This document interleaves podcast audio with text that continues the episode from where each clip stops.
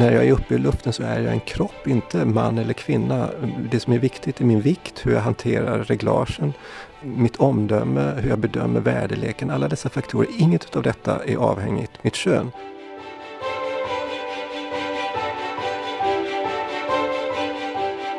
Om hon levde idag så skulle hon älska sociala medier. Hon skulle skriva på Facebook flera gånger om dagen. Hon skulle också älska att uppträda i TV.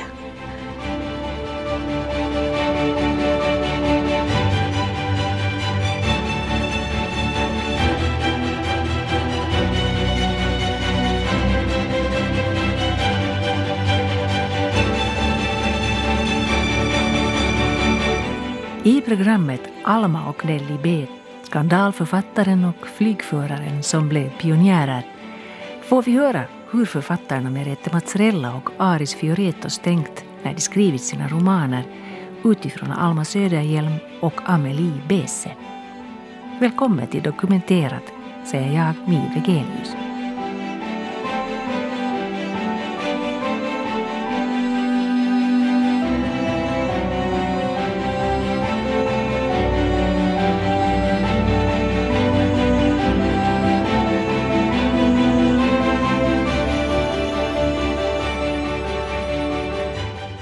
Skulle du vilja att det skrevs en fiktiv berättelse om dig efter din död? Hur skulle den i så fall helst göras? Två som fått romaner skrivna utgående från sina liv är den tyska piloten Amelie Bese, första kvinnan som tog flygförarexamen i Tyskland år 1911. Hon kallades Melli och hon växte upp i närheten av Dresden och studerade i Stockholm och Alma Söderhjelm, skandalförfattaren och Finlands första kvinnliga professor 1927. Också hon bodde i Stockholm en del av sitt liv. Finns här då någonting i deras respektive uppväxt som leder in dem på för tiden okonventionella vägar för en kvinna? Vad har de att säga oss om mänskliga strategier idag?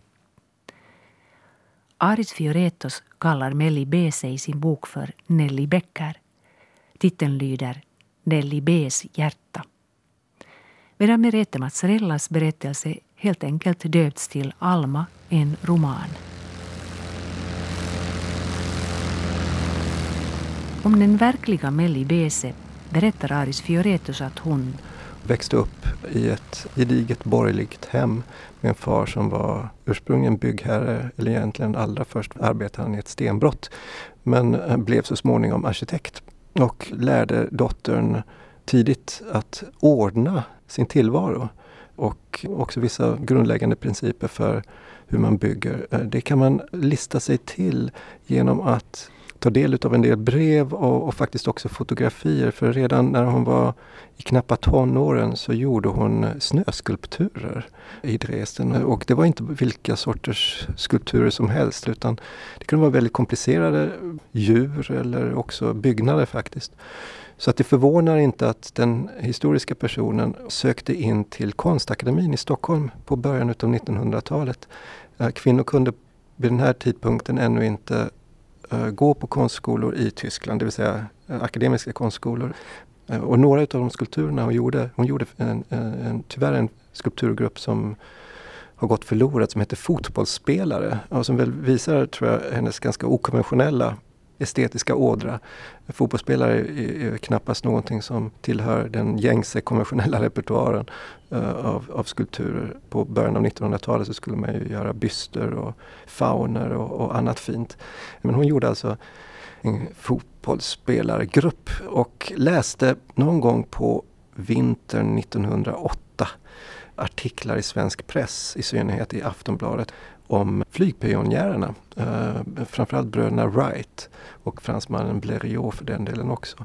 Och entusiasmerades, smittades utav denna önskan att lämna fast mark och bege sig upp i luften. Och sen tog hon sig till Berlin där hon efter en hel del krångel och mycket motarbetande utav männen som befann sig på denna flygplats ändå fick eh, lov att avlägga flygförarlicensen som det skedde 1911 på hennes födelsedag. Hon passade på att göra detta, ta detta test eh, den dag då hennes eh, lärare inte var på flygplatsen. För hon visste att han annars skulle sabotera henne. Så hon hade väldigt eh, stora krafter mot vilka hon tvingades slåss.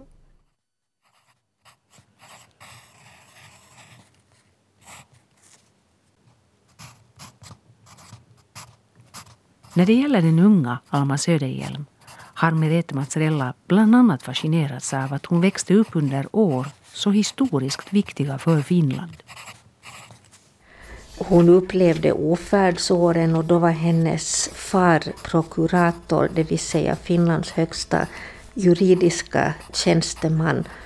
Vilket ju då betydde att han gick in och ut hos Bobrikov och försökte tala Bobrikov till rätta. Men sen en annan sak som fascinerar mig mycket, att från allra första början var hon inställd på att bli en individ. Och det betonar hon. Hon var ju en av åtta systrar. De här systrarna uppfostrades i en anda av likriktning kan man säga. På somrarna skrev de rent pappans protokoll och för att de här protokollen då skulle se prydliga ut skulle alla åtta systrar ha samma handstil. Så att protokollen då kunde flyta på jämnt och fint och man inte kunde veta vem som hade skrivit vad. Och det här tycker jag är så fascinerande. Just som symbol för likriktning och någon sorts tvång och hela den här andan bröt ju Alma resolut med. Hon betonar just också i sina memoarer betydelsen av att bli en individ, sticka ut, bli sin egen. Och idag är vi ju alla individualister. Det är normen att vara individualist. Men Alma var väldigt tidig med att, framförallt alltså som kvinna var hon tidig med att öppet säga att hon ville vara en individ. Så det tycker jag är fascinerande. Hur såg då Melli Beses så att säga mänskliga strategier ut i den kamp hon måste utkämpa? Aris Fioretos. Ja, strategier är ett ord som åtminstone i min förståelse utav det, leder tankarna till medvetna val. Och jag är inte säker på att min huvudperson är så medveten eller genomreflekterad just när det gäller hennes agerande på ett fält som är manligt dominerat, i detta fall då flygkonsten eller luftfarten. Men eh, det rör sig ju om eh, väldigt tidstypiska men tyvärr också transhistoriska företeelser som förekommer än idag eh, av eh, motstånd och passivt aggressivt motstånd. I hennes fall häller männen socker i, i, i tanken. De byter ut tändstiften mot uh, gamla.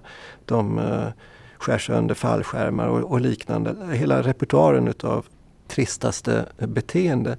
Och som i, förmodligen i detta fall, åtminstone på 1910-talet, är grundat i två faktorer. Dels förstås en känsla av att hotas i sin auktoritet. Det, det är grundbulten tror jag. Och den auktoriteten behöver inte vara eh, som det heter så fint, genuskodad. Men i det här fallet är den det. Detta är 1910 och en kultur som fortfarande lever i en väldigt konservativ och förstelnad uppfattning om vad en kvinna ska ägna sig åt och vad en man ska ägna sig åt. Och att där har att göra med en person som Nelly, Bes, eller Nelly, Nelly Becker, som hon heter hos mig, som inte tar detta för givet och som menar att det finns väl ingenting som talar emot att jag som kvinna ska kunna uh, flyga. Uh, när jag är uppe i luften så är jag en kropp, inte man eller kvinna. Det som är viktigt är min vikt, hur jag hanterar reglagen, mitt omdöme, hur jag bedömer väderleken. Alla dessa faktorer, inget av detta är avhängigt mitt kön. Och uh, det föder hos henne en kampvilja framför mycket annat. Uh, och förstås också en, en insikt som mognar och blir med tiden tror jag kanske, i det, åtminstone i det historiska fallet, Eh, bitter, nämligen av att allt hon gör måste hon göra åtminstone dubbelt så bra som eh, kollegorna för att tas på allvar. Det är en tråkig erfarenhet som jag tror att kvinnor än idag drabbas utav och inte bara kvinnor. Eh, det gäller också, inte minst tror jag, människor med en något brokigare bakgrund i en, en fortfarande så pass monokulturell uh, ett samhälle som det svenska eller, eller det tyska. Um, man måste vara lite bättre än de inhemska för att de ska övertygas. Och i Nellys fall så, så leder detta till en uh, starkt uh, utvecklad vilja att förfoga över sina egna produktionsmedel. Var då Alma Söderhjelm strategisk? Alma är oerhört öppenhjärtig. Hon lämnar ut sig själv. Hon är väldigt nyfiken på andra människor. Hon är väldigt ostrategisk. Det är väl egentligen en av hennes viktigaste egenskaper, att hon var spontan och ostrategisk. Så hennes memoarer blir också väldigt livfulla. Och det var ju verkligen inte lite som Alma Söderhjelm hann uppleva. Hon var med när den allmänna rösträtten förverkligades i Finland. Hon var aktiv under inbördeskriget och som bosatt i Sverige gjorde hon en insats också under vinterkriget och fortsättningskriget. Dessutom... Det som kanske hör till det viktigaste är det här att hon ju i så hög grad var mångsysslare. Alltså hon var en hon var nog en mer respektabel akademiker än jag någonsin har varit. Och som akademiker mycket produktiv. Men hon gjorde ju mycket annat. Hon skrev kåserier, hon skrev romaner, hon skrev också sånt som jag aldrig har skrivit. Dikter och skådespel. Och hon upplevde någonting som jag känner igen mig i. Att man som akademiker egentligen är lite suspekt om man sysslar med väldigt mycket annat än akademisk forskning. Men hon blev ju, alltså framförallt i Sverige, blev hon ju oerhört känd. Sitt genombrott i Sverige fick Alma Söderhjelm när hon som kåsör i Dagens Nyheter under signaturen Det främmande ögat gisslar svenskarnas egenheter. Och det är ganska roligt för liksom de iakttagelser som Alma gör om rikssvenskarnas konstigheter det är väldigt mycket samma saker som finlandssvenskar suckar över idag. Och eh, hon sa åtminstone själv, och jag tror att hon kanske inte var den enda som sa det, att hon på 20-30-talen sådär var Sveriges mest intervjuade kvinna. Och då är det ändå intressant att när jag nu har varit i Sverige och talat om Alma och frågar då vem som har hört talas om Alma och då är det nästan ingen som har gjort det. Och jag menar, när jag talar om Alma så är publiken ju i allmänhet ändå en lite äldre publik, 60 plus. Och likväl är det mycket få som har hört talas om Alma. Och det är ju i sig lite luttrande. Alltså just att inse att, jag menar, att hon då kunde vara Sveriges mest intervjuade kvinna på 30-talet och nu fullständigt bortglömd, eller nästan fullständigt bortglömd. Ja, det här trots att hon rörde sig med prinsen. Och hon med... rörde sig, ja, jag menar hon var ett societetslejon. Hon kände skådespelare, hon kände i stort sett alla kulturpersonligheter.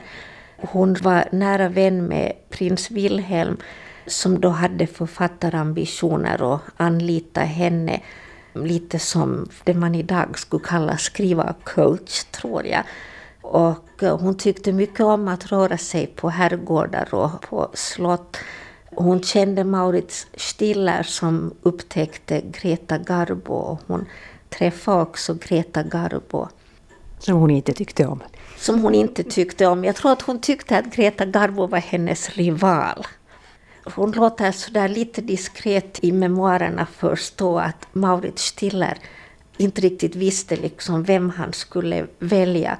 Om han skulle välja henne eller Greta Garbo sådär som sin närmaste människa.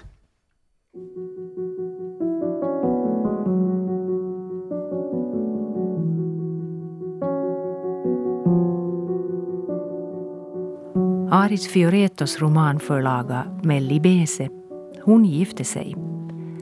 Sin blivande man fann hon i flyghangaren och tillsammans med honom den franska ingenjören Charles Boutard grundade hon en flygskola i Berlin 1912. Med hjälp av maken och med hjälp av en del pengar från familjen så får hon denna skola på benen och kan locka till sig människor som inte är lika fast i förlegade synsätt på könen och rollfördelningen när det gäller egenskaper och handlingar och liknande. Och blir med tiden ganska framgångsrik. Den historiska personen hon eh, skulle förmodligen ha vunnit den så kallade flygveckan på hösten 1913 om hon inte hade blivit sjuk sista dagen. Hon låg på andra plats och gjorde konster som männen bara kunde häpna åt uppe i luften. Hon var alldeles uppenbart inte bara en duktig teknisk ingenjör. Hon och maken hade åtminstone två patent. Utan framförallt en duktig pilot. Och eh, allt detta tror jag hade förstås varit lättare om hon hade varit man men det var inte omöjligt för henne som kvinna därför att hon var så duktig.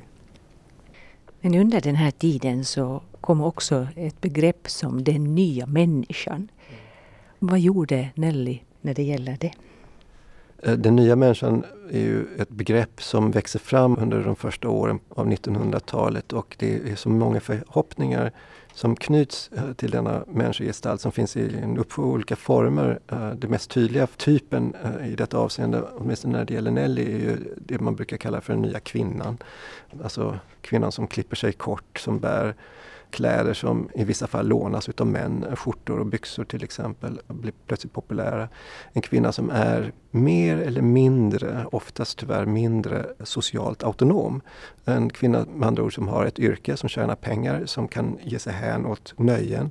Oftast är det ju de här unga tjejerna som arbetar som sekreterare på olika kontor och som lever ett odrägligt liv, eh, dåligt avlönade och eh, utsatta på alla håll och kanter. Men åtminstone inte längre helt beroende utav familjen som ofta då bodde i någon by eller något mindre samhälle. Utan de har tagit sig till den nya storstaden, i det här fallet Berlin. De blir en urban varelse och eh, omskapar offentligheten under dessa år.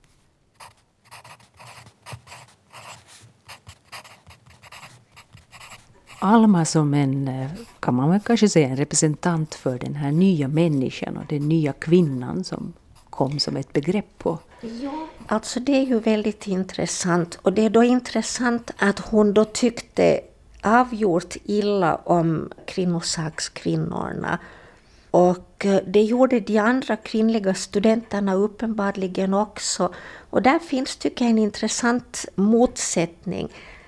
Studenterna, de här unga akademiska kvinnorna, de upplevde att kvinnosakskvinnorna då just var en rörelse som krävde, så här i absolut mening, krävde rättigheter, som hävdade att kvinnor, bara de får sina rättigheter, så kommer de att visa sig duktigare på i stort sett alla områden. Duktigare än männen alltså. Och de kvinnliga studenterna de hade mindre anspråk, de ville göra sitt jobb, de ville genomföra sina studier på samma villkor som de manliga kamraterna. Det var egentligen allt de begärde, men en av dem, Carolina Eskelin, som var medicinare, hon sa då sådär lite torrt att det kanske ändå är orimligt att hävda att kvinnor är bättre på att operera så länge det inte finns en enda kvinna som har genomfört en enda operation. Och det där låter ju också rimligt. Och där ser man kanske just på något sätt vad det liksom var som skilde. Att kvinnosakskvinnorna hade en sån här stor och stark, allt omfattande övertygelse som de kvinnliga studenterna inte alls hade. De kvinnliga studenterna var, tror jag, också mycket mer individualister. Alma var nog inte den enda individualisten i den här kretsen. De ville utföra sitt eget arbete och därmed jämt. Medan för Melli Beses del innebar hennes äktenskap bland annat det här. På denna tid var kvinnor tvungna att överta makens medborgarskap. Så att min och också den historiska förlagan, eh, min hjältinna, hon eh, blev fransyska. Vilket innebar att när första världskriget utbröt några år senare så klassades båda som fiender. Skolan tvingades stänga planen beslagtogs för militära ändamål. Och maken internerades, fick tuberkulos och var väldigt illa däran. Eh, Ja, hon, eh, hon var sin, eh, väldigt solidarisk med sin make under kriget. Paret hade förlorat i grund och botten allt, tvingats sälja sin stora våning. Och hon följde med honom och bodde med honom och vårdade honom när han fick tuberkulos under slutet av kriget 1718. Och man återvänder efter kriget till Berlin och försöker få fotfäste i tillvaron igen. Det går sådär. Påfrestningarna på äktenskapet blir allt större och boken börjar i grund och botten med att hon eh, har blivit fråntagen allt som hon har kunnat räkna med fram till denna tidpunkt. Hon har dessutom fått problem med kroppen, med hjärtat. Det är därför boken heter som den gör, Nelly B's hjärta. Hon får diagnosen kardiomyopati, det vill säga en utav kamrarna, oftast är det den vänstra, tjocknar, väggarna tjocknar och blodet blir svårt att pumpa ut uh, i kroppen och eh, uh, syresättas och liknande. Eh, och hon får rådet av sin kardiolog, då, sin läkare, att sluta flyga för annars så kommer hon en dag att svimma upp i luften och störta. Eh, så att nu har hon också blivit ifråntagen den eh, enda aktivitet där hon får fullt, om man ska vara lite patetisk, fullt utlopp för sitt väsen, flygandet och befinner sig bara 30 sidor in i boken i, i vad hon kallar för ett minus-minus tillstånd. Alltså så långt ner det går. Och, och det är i det läget hon träffar denna unga kvinna och tillvaron förändras.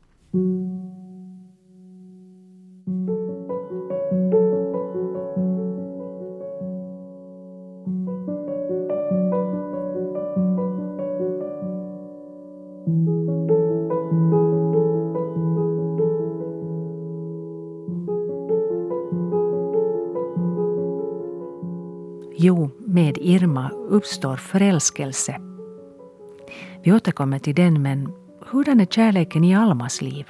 Nu under en tid då det uppfattas som otänkbart för en studerande eller yrkesverksam kvinna att också vara gift. Berättar Mazzarella.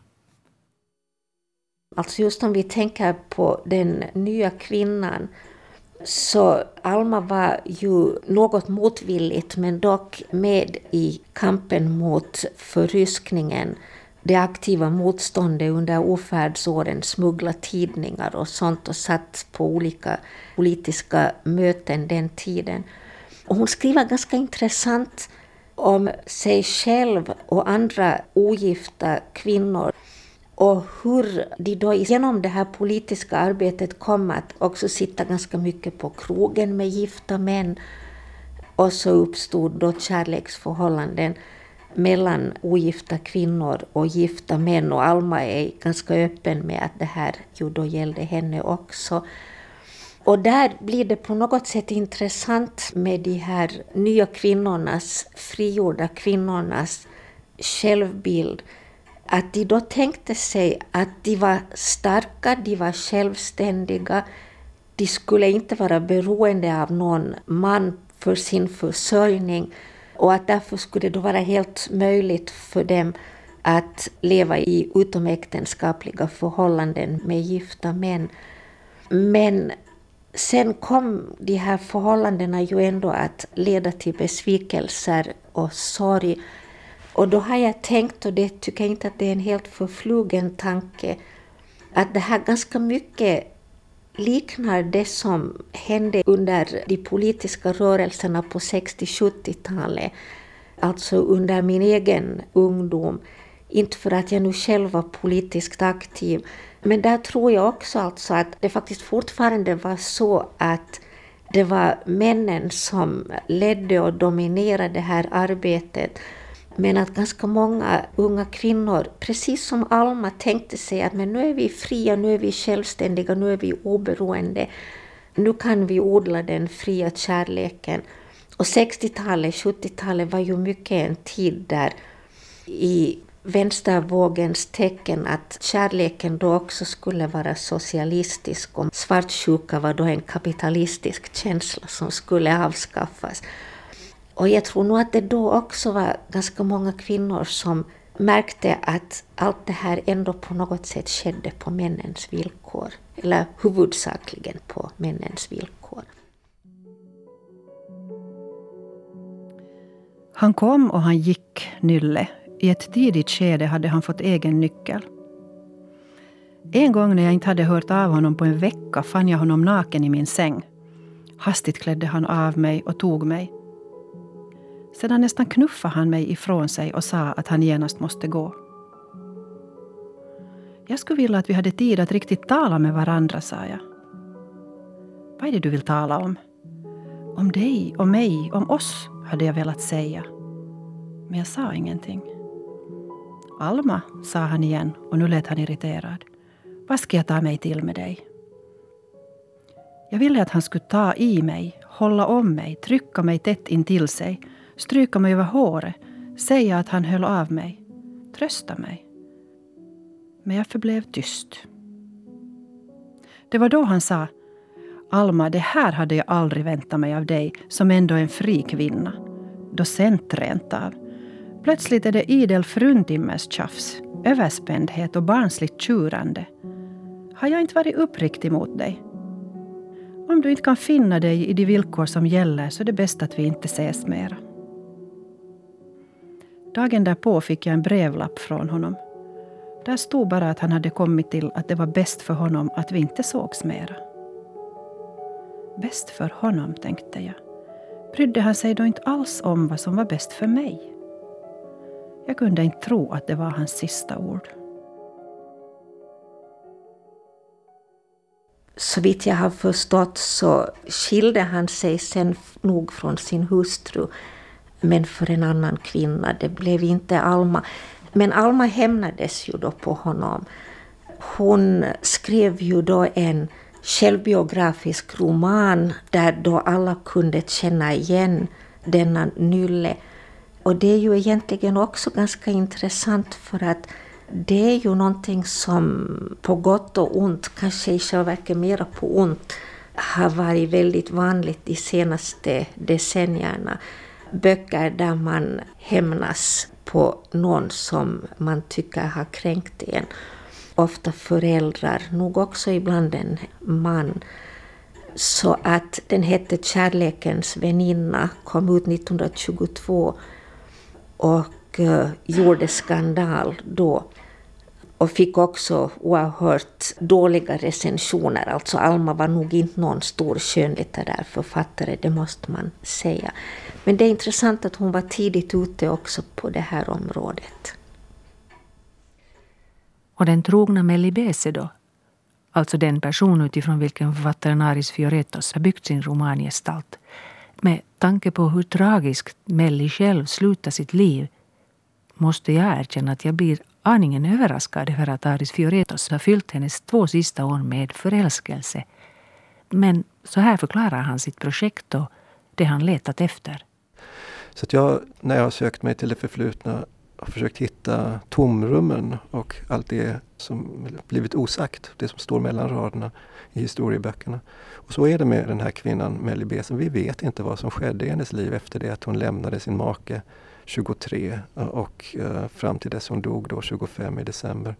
Det är två år som är blanka och, och de har jag försökt fylla med min bok.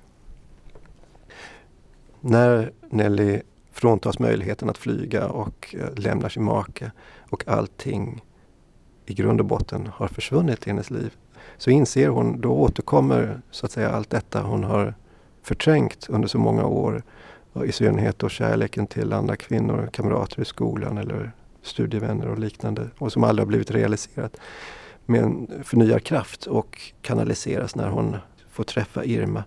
Och hon kommer till insikten att hon inte vill, om man ska vara patetisk, hon vill inte dö innan hon upplevt dessa känslor. Det är inte värt att leva om man inte har fått uppleva dessa känslor och är beredd att ta de risker som det innebär. Så hon bejakar sin kontrollförlust som då denna förälskelse innebär. Eh, också av det skälet. Hon vill inte gå miste om vissa erfarenheter. Aris Fioretos talar om något som intresserar honom som författare mycket. Mikrohändelser. Ofta sker ju de förtroenden som vi verkligen litar på. Det som gör att vi trots att det saknas en öppen deklaration i en eller annan riktning kastar oss ut. Det bygger på mikrohändelser. Sådana små, små saker som vi inte förväntar oss hos den andra personen att hon eller han gör.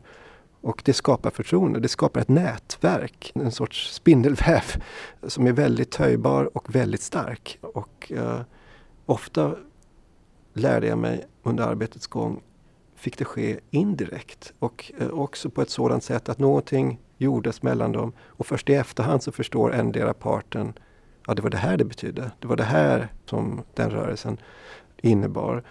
Så när till exempel efter att ha träffats tre gånger och Nelly kysser Irma så sker det inte bara på en sidogata, mörk sidogata mellan två lyktstolpar där inte en enda människa finns på trottoaren.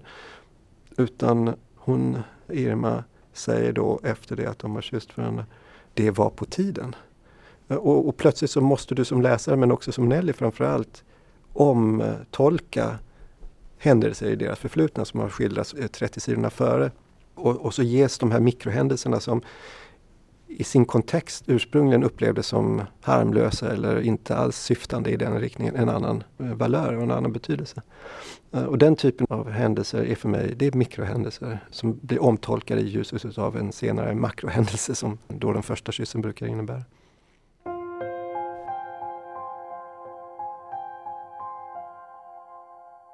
Kanske vill hon bara följa mig till porten. Sen gör jag det.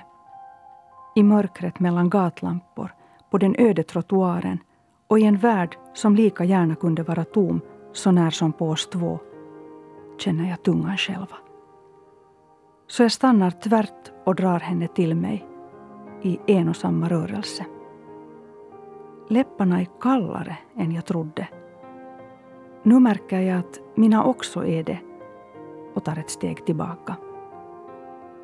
Tänk om inte. Sen pressar jag mig åter mot henne. Irma kupar händerna om mina armbågar. Vi blir stående, stela i mörkret. Och jag har aldrig känt ett starkare, ett större, ett tacksammare jubel genomfara kroppen. Ofrivilligt tänker jag på flygskolans emblem. Hon och jag, vända mot varandra, som två ben. Ett perfekt timglas till formen. Stjärnorna är kritsmulor på himlen, viktlösa. Då Irmas mun slutligen lämnar min viskar hon. Det var på tiden.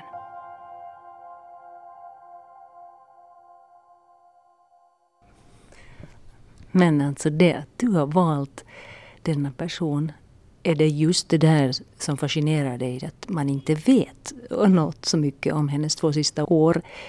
Det är komplikationer tror jag som eh, återfinns under olika omständigheter från epok till epok. Det jag drogs till var ju faktiskt eh, frågan om förälskelse och vad det innebär att vara förälskad i en sådan tid som 20-talet. Eh, mot bakgrund av alla dessa erfarenheter som min hjältinna samlat på sig.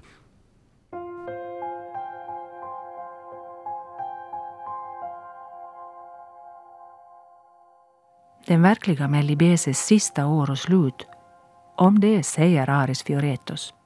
Jag vill inte avslöja för mycket.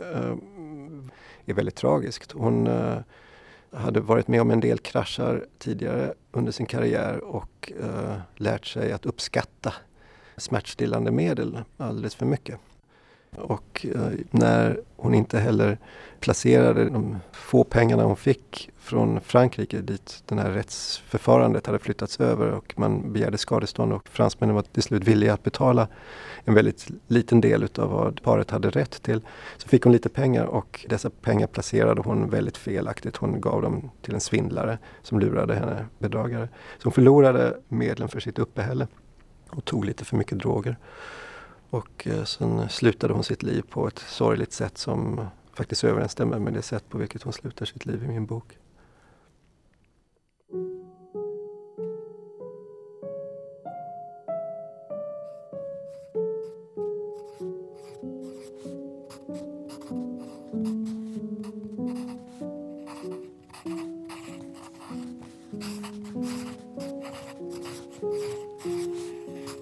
Och hur går det för den verkliga Alma Söderhjelm? Och hur går det för henne i Merete Mazzarellas roman? Och vad hör till det som har varit Meretes projekt?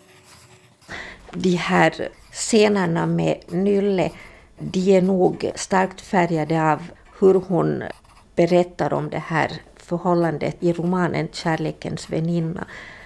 Men de här scenerna från Saltsjöbadens badhotell, dem har jag ju hittat på helt och hållet. Och där var väl min tanke dels att försöka leva mig in i ett tilltagande fysiskt förfall. Jag har någon gång tidigare, och det kan jag nästan ångra nu, jag har någon gång tidigare nämligen skrivit i någon bok om åldrandet att avveckling är lika naturligt som utveckling och att det skulle gälla att acceptera också avvecklingen. Och nu när jag stirrar på den meningen så tänker jag att den är ju nog betydligt lättare att skriva än att efterleva. Och att det var liksom, det var en sån här snygg formulering.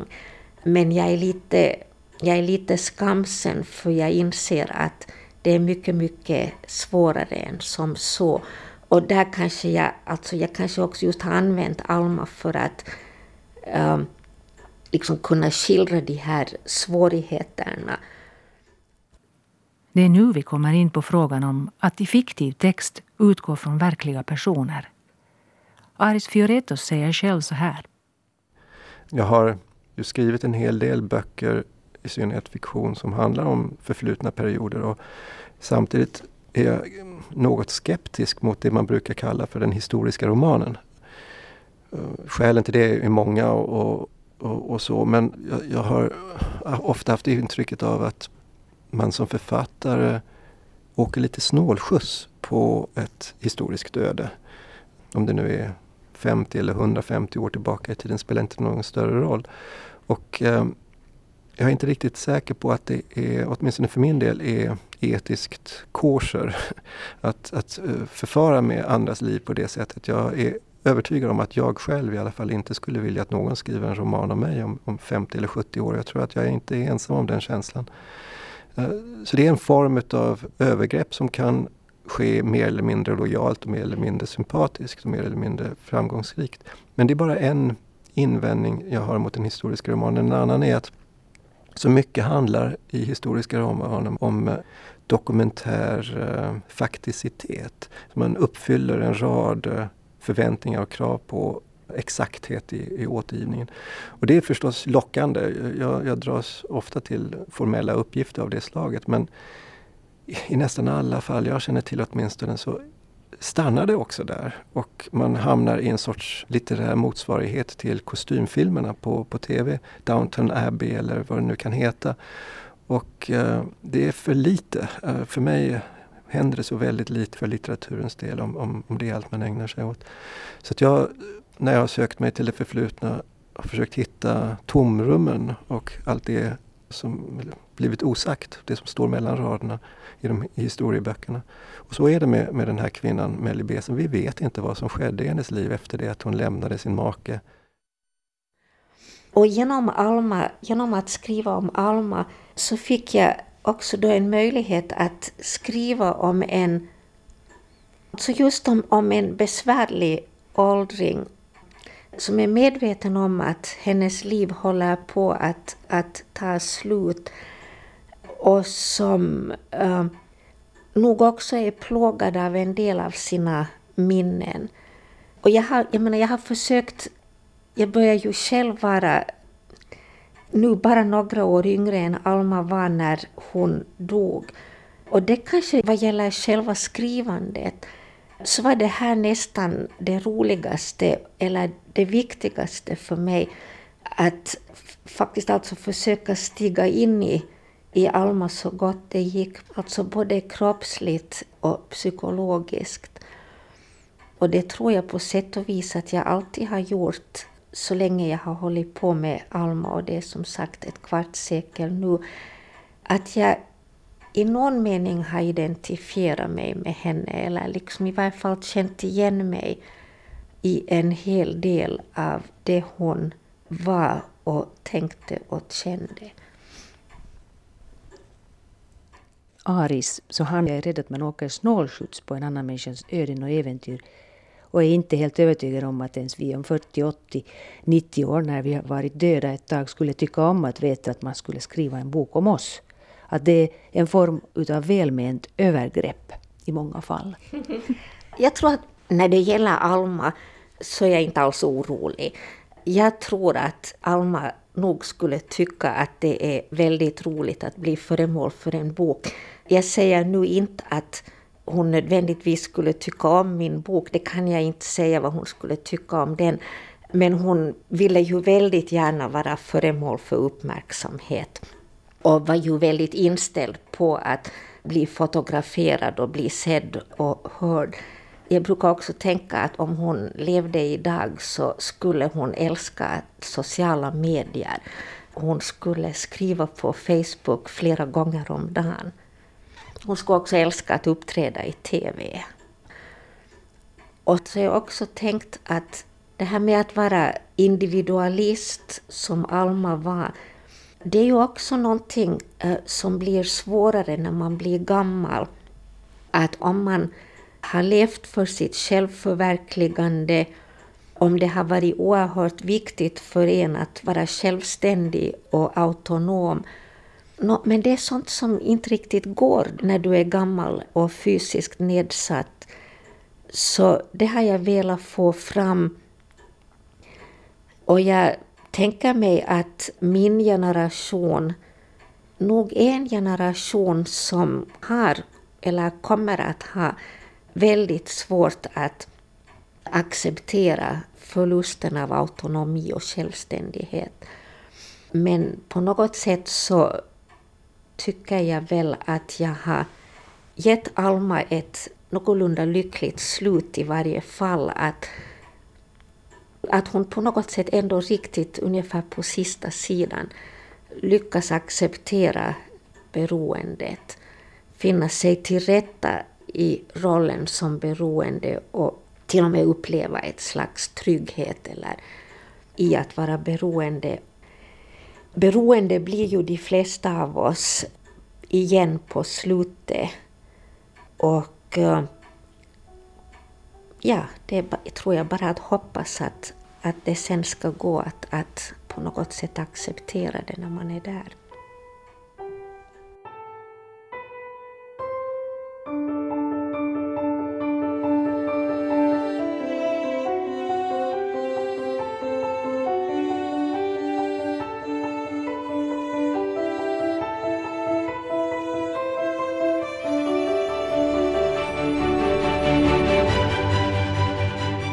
Programmet Alma och Nelly B, skandalförfattaren och flygföraren som blev pionjärer, har författarna Merete Mazzarella och Aris Fioretos berättat om Finlands första kvinnliga professor Alma Söderhjelm och Amelie Melli Bese, den första kvinnliga piloten i Tyskland. Med uppläsning medverkade Nimma Olsuni Broman och Pia-Maria Lehtola. Ljuddesignen gjordes av Stefan Granholm Producent var Staffan von Martens. Redaktör jag, Mi Vegelius.